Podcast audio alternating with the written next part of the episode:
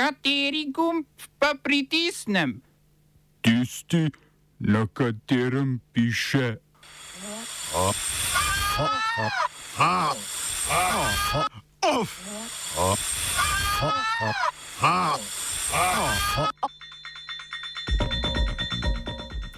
Rusija prepovedala spletni medij Meduza.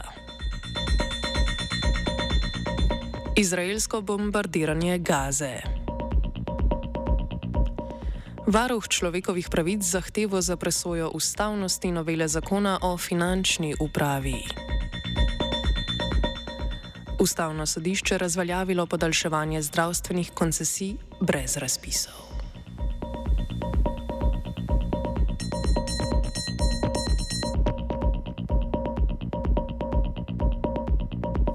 Polsko obramno ministrstvo je napovedalo napotitev pošiljke tankov v Ukrajino do konca marca. Ta pošiljka bo vključevala nemške tanke Leopard 2, stare polske T-72 in druga oklepna vozila. Začeli jih bodo pošiljati takoj, ko ukrajinske posadke zaključijo usposabljanje na polskem. Nemčija je dobavo svojih tankov prav tako napovedala za konec marca ali začetek aprila. Združeno kraljestvo bo svoje Challengerje dobavilo v enakem roku. Kot je napovedala kanadska obrambna ministrica Anita Anand, se jim bo pridružila tudi Kanada. Združene države države Amerike so Ukrajini obljubile 31 tankov M1 Abrams, a so povdarili, da ne gre za grožnjo Rusiji. V Kremlju se ne strinjajo in trdijo, da se Zahod z oboroževanjem Ukrajine neposredno vključuje v konflikt. Več o novem valu zahodnega oboroževanja Ukrajine v kultivatorju o petih.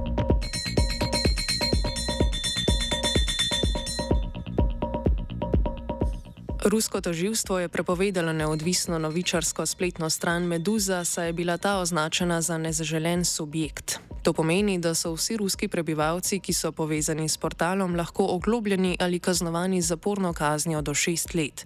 Gre zlasti za vire, s pomočjo katerih se novinari Meduze dokopljajo do novic. Po mnenju toživstva Meduza, katere spletno stran je Roskom nadzor blokiral marca lani, predstavlja varnostno grožnjo državi. Ruske oblasti so leta 2015 sprejele tako imenovani zakon o nezaželenih subjektih, ki od prejemnikov tujih sredstev zahteva, da se identificirajo identificirajo kot tuji agenti. Moskva je že leta 2021 spletni portal Meduza, ki ima svoj sedež v Latviji, opredelila za tujega agenta.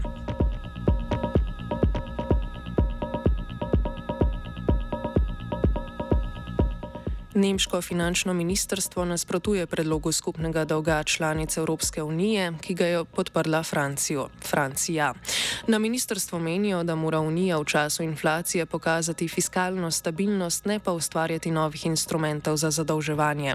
Kancler Olaf Scholz je povdaril, da je v skladu za okrevanje po pandemiji še 200 milijard neizkoriščenih evrov. Po njegovem mnenju je treba razporediti sredstva iz tega sklada, preden lahko začnejo razpravljati o novih ukrepih. O ustanovitvi novega sklada za zelene subvencije bodo razpravljali na februarskem vrhu sveta Evropske unije. Predsednica Evropske komisije Ursula von der Leyen je namreč že večkrat pozvala k ustanovitvi skupnega sklada za zadolževanje iz subvencije zelene energije. Skupno zadolževanje podpira Francija, Nemčija pa le sprostitev evropskih pravil o subvencijah industriji, tako da bi vsaka država lahko industrijo subvencionirala sama. O subvencijah za tako imenovano zeleno industrijo v Uniji razpravljajo zaradi zakona o boju proti inflaciji, ki so ga Združene države Amerike sprejele lansko poletje. Po zakonu bodo američani okrog 340 milijard evrov namenili za subvencije proizvajalcem zelenih tehnologij, ki proizvajajo na ameriškem ozemlju. Za te subvencije bi lahko kandidirali tudi evropski proizvajalci, ali v primeru, da bi proizvodnjo preselili v ZDA.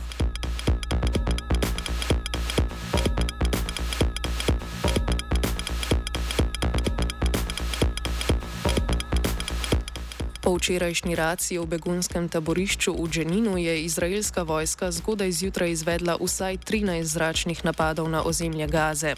Zadeli so begunsko taborišče Al-Magazi in sosesko Al-Zajtun. Izraelske oblasti trdijo, da so bili zračni napadi odgovor na dve raketi, ki jo je prestregal njihov sistem protiraketne obrambe.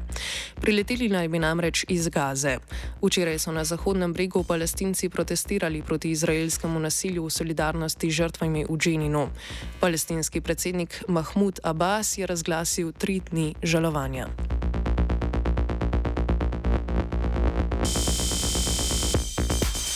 Južnokorejski sindikati so obtožbe Narodne obveščevalne službe o sodelovanju sindikalnih članov s severnokorejskimi vohuni označili za rdečo paniko.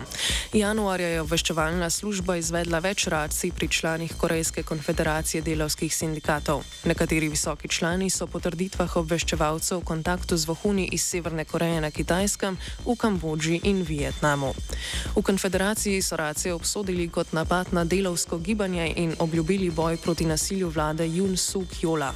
Južnokorejska zakonodaja prepoveduje kontakt državljanov s severnimi sosedi, a pri Amnesty International opozarjajo, da zakon zaradi ohlapnosti vladi omogoča dušenje opozicije, kar se je dogajalo že v diktaturah 70. in 80. let.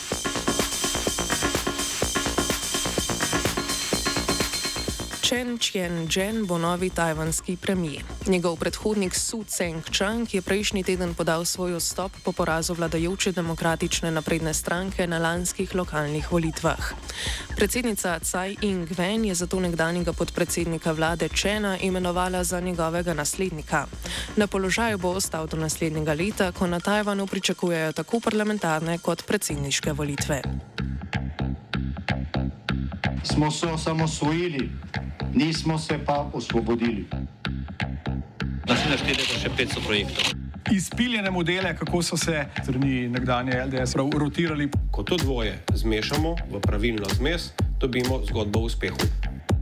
Takemu političnemu razvoju se reče udar. Jaz to vem, da je nezakonito, ampak kaj nam pa ostane? Brutalni obračun s politično korupcijo. To je Slovenija, tukaj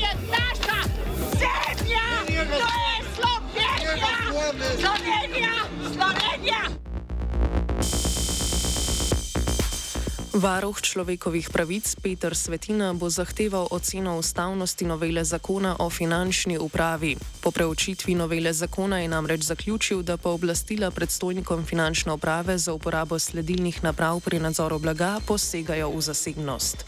Pri odreditvi ukrepa ni predviden sodni nadzor, pač pa je dovolj razlog za sum najtežjih kršitev davčnih predpisov, kar varuh vidi kot nizek dokazni standard. Kot je še dodal, iz novele ni jasno, koliko časa ukrep ukrep lahko traja, kar odstopa od podobnih postopkov.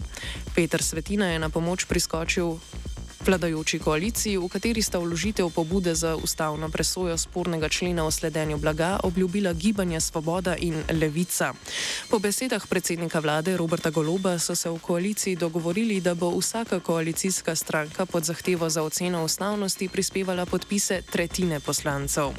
Socialni demokrati, ki so se glasovanja o noveli zakona v parlamentu vzdržali, so Golobu odgovorili, da dokončnega odgovora še ni bilo in da se pod pobudo ne namerava podpisati podpreti nihče od socialdemokratskih poslancev.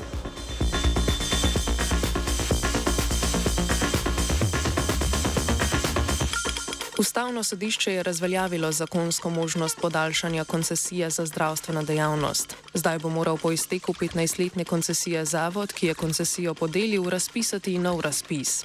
V obeh ureditvah, stari in novi, velja, da mora zavod 12 mesecev pred potekom koncesije opraviti pregled doseženih ciljev koncesionarja in ugotoviti, ali je koncesija sploh še potrebna. Zatem morajo zavodi pridobiti tudi pozitivno mnenje Zavoda za zdravstveno zavarovanje in pristojne zbornice. Po stari ureditvi je to primerna osnova za podaljšanje koncesije, a je ustavno sodišče razsodilo, da različna obravnava novih in obstoječih koncesionarjev krši načelo enakosti pred zakonom iz 14. člena ustave. Zavodi bodo tako morali v vsakem primeru objaviti nov razpis.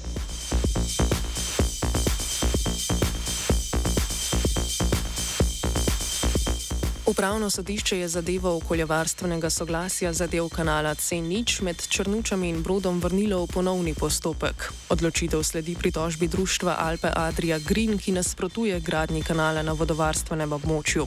V ponovno odločanje je sodišče zadeve vrnilo, saj je društvo priznalo možnost statusa stranke v postopku za pridobitev okoljevarstvenega soglasja.